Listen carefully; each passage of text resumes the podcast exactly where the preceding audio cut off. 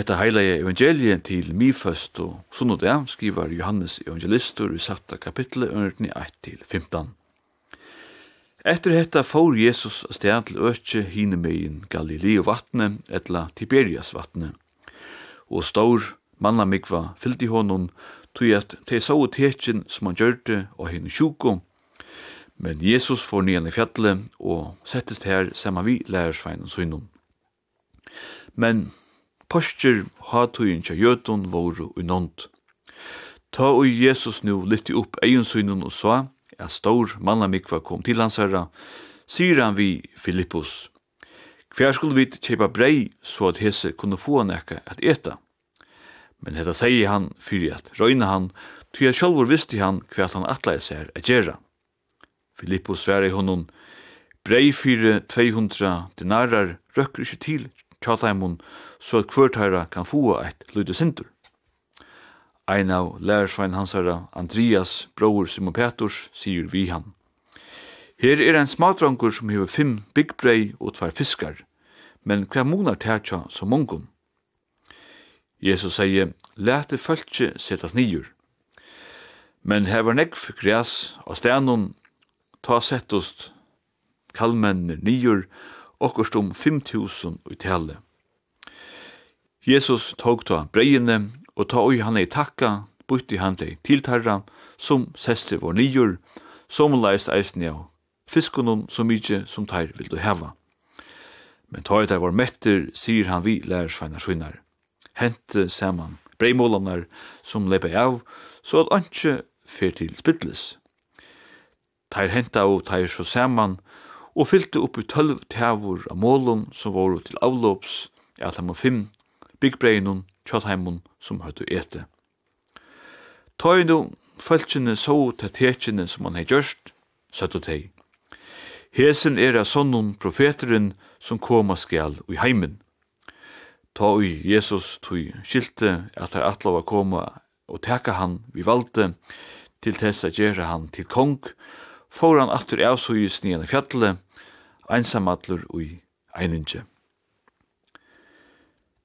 Vi først høyra vi gå prat vi tøynda folk, og ta er kyrkjan alltid godt samru evne. Om kvui prestane gjer hetta og hatta, og om pressan er a gjerra nekka borsur ur tøy kyrkjelia og arbeidnum tja kyrkjene, og så fram vegis. Jo, meiningarna kunne vera nekvar, og tjatsi kan genga vel. Men vi først sier folk eisne, at kyrkjan skal vera mer åpen. Hon kunde ganske greit bete fra hva kyrkjan stende fire. Jo, men ta røyna vid eisne kunne prestaner ångte finne på asia og bero i bøteflekka. Vi røyna som friast at mila båskapen og greia fra. Og vi røyna som friast at bruka fjellmilanar at vi da åpe kvann sunn og det som onkur sier og onkur det meira træt og at öll er velkommen og hovast årene kanskje kunne tidjast som hun av sinter fotten. Nøye, miskun, frelsa og sintana fyrir djeving. Det er kanska ein vante fyrir at detta og i som grøv som kyrkjefeirin og Rigenes datt ui omlai år 200 etter Kristi føying, ta han kramte seg om at folk jinko og luiti og kyrkjo og et illa stå til. Men hoast kyrkjan er åpen og kyrkjan er fri öll, så er vognlest at lova at vi skulle eller kunne skilja alt. Og det er ganske ikkje så latt i okkara tui. Kanske høttu folk fyrirtøyne lattare vi at gåtekka mysterier etla løndarmål.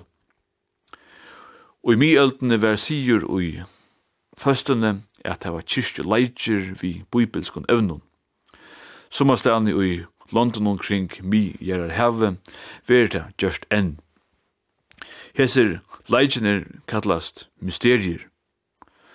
Og i gamla Grikalandet til å sija fire kristna tøy, hildet hei løgneligar gods tænaster, her bæra summe høtte etgångt, og te kalla ost mysterier breie og vune som er Jesu likam og blå, hever eisne fra fyrsta degi vi nevnt eit mysterium, eit løndamål, nekka som det ikkje er givet okkun a skilja etla et fæta. Sjálv alt skulle vi røyne a få greie av imeskon her ui tilværende, og menneskjastli vysende voru neivan komme så lengt som de var kommen, etla er kommen, og menneskjan ikkje vær a sintur forvidin. Men og i kyrkjene feres vi av marsjen. Og vi først hinner med en marsje, fyrir til okkara vit og skil og mal mekna et roma. Vi gita ikkje gater ui kyrkjennom, men læra liva vidt heimun. Og kanska liva vidt eisne av heimun. Vi fært ikkje gosse Kristus kunde metta så negv vi så lytlun. Vi gåtaka er vi ikkje fæta gosse Guds sonur reis upp fra deion. Det er ganske som Kirkegård gamle vilde være vi, er at patrikv er det samme som at undre kjemme fyrst, sujane trikven. Men ui, kristendomnen er det øvut. Her kjemmer trikven fyrst, sujane undre. At du samme kan sigast at kapitlet som pratik og tekstren i morgen er tidsin i ord, nemlig satta kapittel ja Johannes evangelie. Liste er av mest sentrala i Jesu evangelie. Her finner vi nekve av eikjennun tja Johannes og er tui omboande fyrir sjolva godfrøyna tja Johannes her Jesus ofta tåsar i myndun og sigur e ere.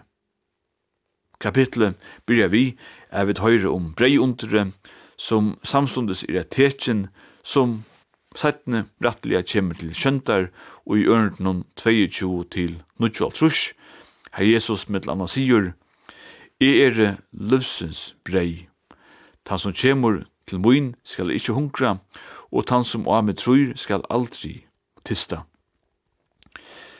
Breie er uimynden av tui okkom tørvar, og i flere kyrstjon gongur talvan i morgen fyrir breie til heimen etla neihjelp falka kyrkjunar.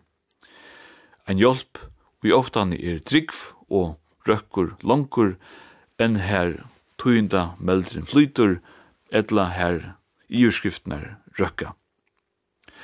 Tøy breie skal vera støvut og neka vi kunne luta og Breie skal vera okkar alit ui einon tøymelion heime. Tøy bia vid eisni om til daglige breie, så okkara tilvera kan haldas uppe kvørstje meire etla minne. Tuske rithøvendren Hans Magnus Ensensberger skriver i eine ritrønd etla essay om marglati og iverflow. Hetta blir evra målsetningen til Førstuna og Øsl og Luxus hava alltid valgt kristnun, tøntjaron, høvebrudj. Men Ensensberger, som då ikkje er heilt søre fyrir spai, vil vera vi, at i framtøyne kan luksuseisne koma av vera til, ikkje er få meira av tøymelin tingun, men minne. Ikkje at leta imist hopa seg opp, men heldur er at flisa bursir av tøy materiella. Nutja støvan tja iverflåene vil vera eit paradoks, ein ansøkn minimalisma kan være en dikt, og Ensensberger nevner framtidgjørenar marglete såleis. Tui som er til tutninga mesta, til at ånder djeva til gator, rumt, fri, omkvarve og trygt. Såleis kunne vi kanskje hulaia ta marglete gjerst ein trobeleitje, og kan veljast etla vrekast. Vi skulle då ikkje undermeta gleinar og kunne ryga okkara tilveru. Ein august der i furs sett tjekkiske rithøvendin og samviskofengjen Vaslav Havel og i sætne bleiv.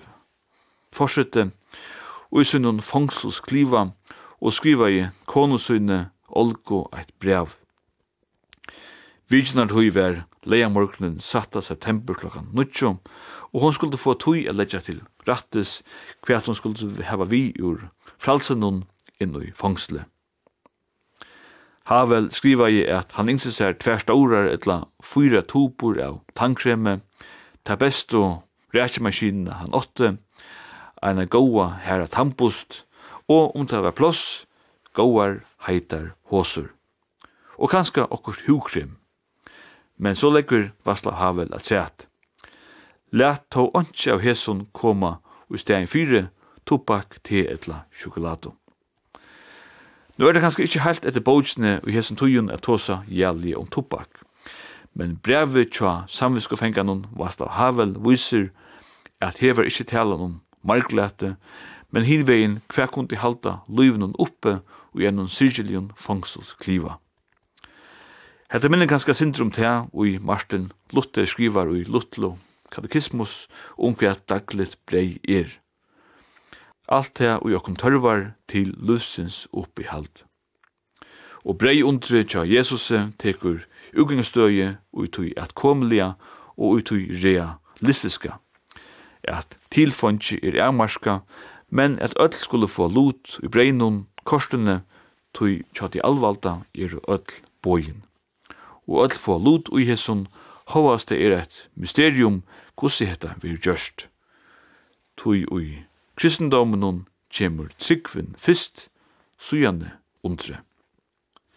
Som sagt, i morgen er mi først og sunn og dævur, og førstan er holv.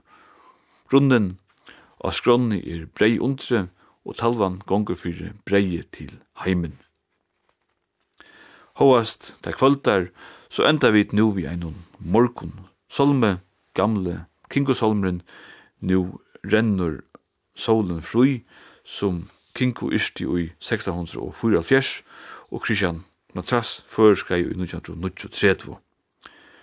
Gentekore, Kantus, Sinkur, korleierar eru Joanna Johansen og Kare Beck.